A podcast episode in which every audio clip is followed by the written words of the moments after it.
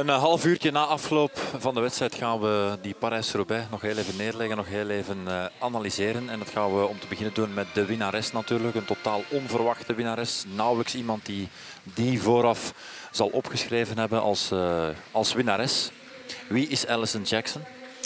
Ja, Canadese, een, een ex-Canadees kampioen ook. En, eigenlijk wel een vrouw die best wel veel uitstraling heeft maar nog niet echt de grootste overwinningen. Ze heeft al wel wat wedstrijden gewonnen. En als er nu iemand was bij IF uh, die ik gefluoriseerd heb, dan was het wel Alison Jackson. Van in het begin was ze wel de, grootste kanshebber zeg maar, uit dat groepje, uit die ontsnapping. Maar uh, voor het grote publiek eerder onbekend natuurlijk. Um, het feit dat een renster uit de kopgroep wint, dat heeft altijd met verschillende factoren te maken uiteraard. Als we dat terug gaan bekijken. A, een hele grote groep met een te grote voorsprong. En B, een valpartij van Longo Borghini. Zijn dat de twee sleutelmomenten waardoor de groep het tot op de streep kan houden? Vooral dat. Hè. Het feit dat ze veel voorsprong hadden, zag je mede door trekken werd die voorsprong wel minder en minder en minder. En hadden ze er wel bij geraakt. Dat, had, maar, dat was onder controle. Dat was onder controle. Maar het feit dat Longo Borghini daar een, een zwieper maakt op de kasseien en eigenlijk iedereen meepakt, um, behalve, behalve uh, Romy Kasper, ja, dan, dan werd het moeilijk. Hè? Ja. Ja, dat is waar. En uh, dat heeft het wedstrijdscenario bepaald zonder afbreuk te willen doen aan de rensters uh, voorop natuurlijk.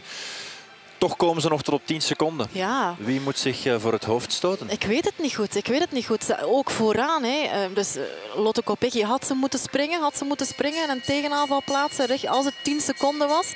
Want toen werd het plots weer 14, werd het 19 seconden. Ze zaten zo dicht en, en dat is zo ergens een kantelmoment geweest.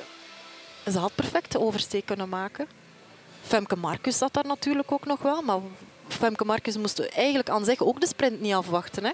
Zij is een, een type hardrijdster. Dus misschien was het wel aan haar om ook te, te gaan demareren uit die kopgroep. Had nog niet veel moeten doen, hè, want Lotte Kopecky was op komst. Juist. Dus, het is al uh, aangehaald in de nabeschouwing, maar uh, missen ze hier vandaag iemand zoals Reusser? Ik denk dat wel. En we zeiden het vooraf ook al een beetje. De, de SD Works ploeg die hier aan de start stond. Natuurlijk stuk voor stuk goede rensters, maar tot nu toe hebben we nog sterkere SD Works blokken gezien. Hè. We hebben hier wel een Wiebes die ontzettend veel werk heeft gedaan. Maar een Majerus is ze dan opgehouden door die valpartij daar in het begin. Normaal speelt zij ook een grotere rol. Cecchini, heel weinig gezien. Snel weg, ja. ja. Het is des mensen natuurlijk. Men wil altijd meer en meer. Het vorige is nooit goed genoeg, maar moeten we ook aan de andere kant niet durven stellen. Uh, het voorjaar van Lotte Kopecky is een grand cru voorjaar. Daar Absoluut. heeft deze Parijs-Roubaix niks aan veranderd. En dat zal ook wel tot haar doordringen. Nu is de, de ontgoocheling heel groot, omdat Roubaix altijd boven haar, haar lijstje stond, nog boven de Ronde van Vlaanderen. Maar ze, was, ja, dit, dit, dit, ze, zal haar, ze zal zichzelf eerder beklagen als ze een tactische fout heeft gemaakt in die achtervolging. Als ze dan effectief op 10 seconden is gekomen, dan zal ze het zichzelf beklagen. Als ze weet dat ze er niet alles heeft kunnen uithalen. Ja. Zie je ze nog meedoen volgende week in de goldrace? Ik zie ze zeker meedoen in de goldrace. Ze was supergoed hè, vandaag. Ze reed echt sterk op die kasseien. Hè. Niet vergeten, ze gaat er wel compleet tegen, tegen de grond. Zoals de rest van dat pelotonnetje weliswaar. Maar reed wel sterk, hè? Ja. Dus kan volgende week naast Voldering, die misschien nog een trapje hoger staat in de pikorde, uitgespeeld worden als...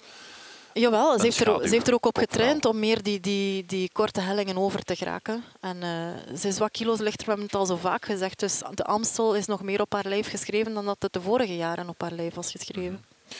Een van de pechvogels ook vandaag, um, door toedoen van de ploeg voor een stuk, door, door toedoen van pech, Marianne Vos. Um, Zie je ze ooit nog Parijs-Roubaix winnen? Ik weet het niet. Ja. Ze is ondertussen 36. Ja. Zeg nooit nooit natuurlijk. Ze gaat nog wel door. Er komen nog kansen. Op een kleine 80 kilometer van de streep komt ze daar uh, ten val. Wij dachten compleet over en out. Maar ze is hier wel op het einde nog tiende. Ja. Ja, en er waren een aantal van die momenten, zoals aansluiten en dan blijven hangen. Het scheurt dan weer, moet je weer een gaatje dichtrijden. Dat is een beetje een ja. rare koers voor haar. En ik blijf me afvragen als, als er sneller twee rensters van Jumbo-Visma hadden gewacht op haar, had ze dan niet sneller teruggekomen? Had ze niet sneller in een betere positie teruggezeten? Klopt. Dat is een bedenking die ik mij ook maak. Ik ga ze wel opschrijven voor volgende week. Ik ook. Voor de Gold Race. Ze zal erop gebrand zijn. Want ja. vorig jaar heeft ze ook voor veel moeten geven. Hè? Um, we moeten het zeker nog even hebben over de gouden kans die Marte Truyen hier vandaag heeft gekregen. En dat zal ze zich achteraf pas, uh, dat zal straks pas tot haar doordringen, denk ik. Uh, ze staat daar wel op het podium uh, van Parijs-Roubaix. Heeft nog zo weinig ervaring. Marten Trui heeft pas vorig jaar volledig voor de weg gekozen. Je kunt het haar eigenlijk ook niet kwalijk nemen. Hè. Maar toch, dat is, een, dat is een inschattingsfout van hier op die manier de sprint aan te gaan, je, te je laat. mag je daar niet laten insluiten. Je mag je daar moet niet laten insluiten. altijd ervoor zorgen dat je op een of andere manier een vrije baan hebt. Ja, zal waarschijnlijk ook qua... Die, die, die valpartij van Marcus zal daar ook wel iets aan toegedaan hebben. Maar kwam met zo'n snelheid aan, over de meet, dat er eigenlijk echt wel nog meer in zat. Hè. Ja. Had ja. eigenlijk tot op dat moment ook nog heel weinig werk gedaan in de kopgroep. Boven verwachting uiteindelijk gepresteerd. Dat, dat blijft. Maar er zat nog meer in dan boven die verwachting. zat zeker meer in. Misschien wel het allerhoogste in. Hoewel dat Jackson wel een fiets voor had. Dus dat is nog een ander verhaal. Maar uh, voor plaats 2 zeker. En misschien wel als je vanuit het wiel kan komen van Jackson. Is het, uh, is het misschien wel voor de winst. Um, trekt ze die lijn door? Of mogen we die lat daar niet leggen? Want plots is er een Belgische. We, hebben heel voorjaar gesproken natuurlijk over Kopecky, over Bossuit, de wilden in mindere mate. En nu is daar Marten Truijen. Maarten Truijen is alleszins iemand met heel veel potentieel. Ze is nog zo jong, ze moet nog zo heel veel leren. Ze moet nog leren in, in een peloton de juiste momenten kiezen, wat ze vandaag wel heeft gedaan. Uh, 114 kilometer in aanval gereden. Is dat nu het begin van een, een, een uh, nog heel veel meer? Geef haar vooral uh, nog heel veel kansen en heel veel tijd om te groeien, want dat heeft ze wel nog nodig. Hè. Ja. Um, Anderzijds zie ik uh, daarnet een lijstje dat mij onder de neus geschoven wordt van ereplaatsen vorig jaar. Niet in de topklassiekers, uiteraard in wat meer nationale wedstrijden. Leidal, Koersen, Veenendaal, Veenendaal, mm -hmm. dwars door de Westhoek enzovoort.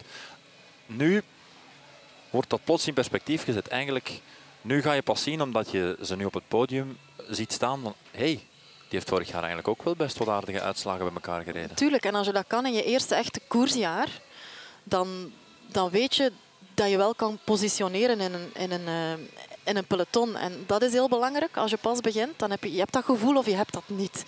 En dan uiteindelijk zie je wat voor kwaliteiten ze aan zich heeft. Intrinsieke kwaliteiten die ze hier toont. En vorig jaar ook al heeft getoond. Dat belooft hij voor de toekomst. Ja. Had jij dit vooraf durven voorspellen? Nee, we zeiden het nog. Het, is een heel atypische, het was een heel atypische Parijs-Roubaix. Zoveel voorsprong. En het was, we durfden het ook zo niet echt goed.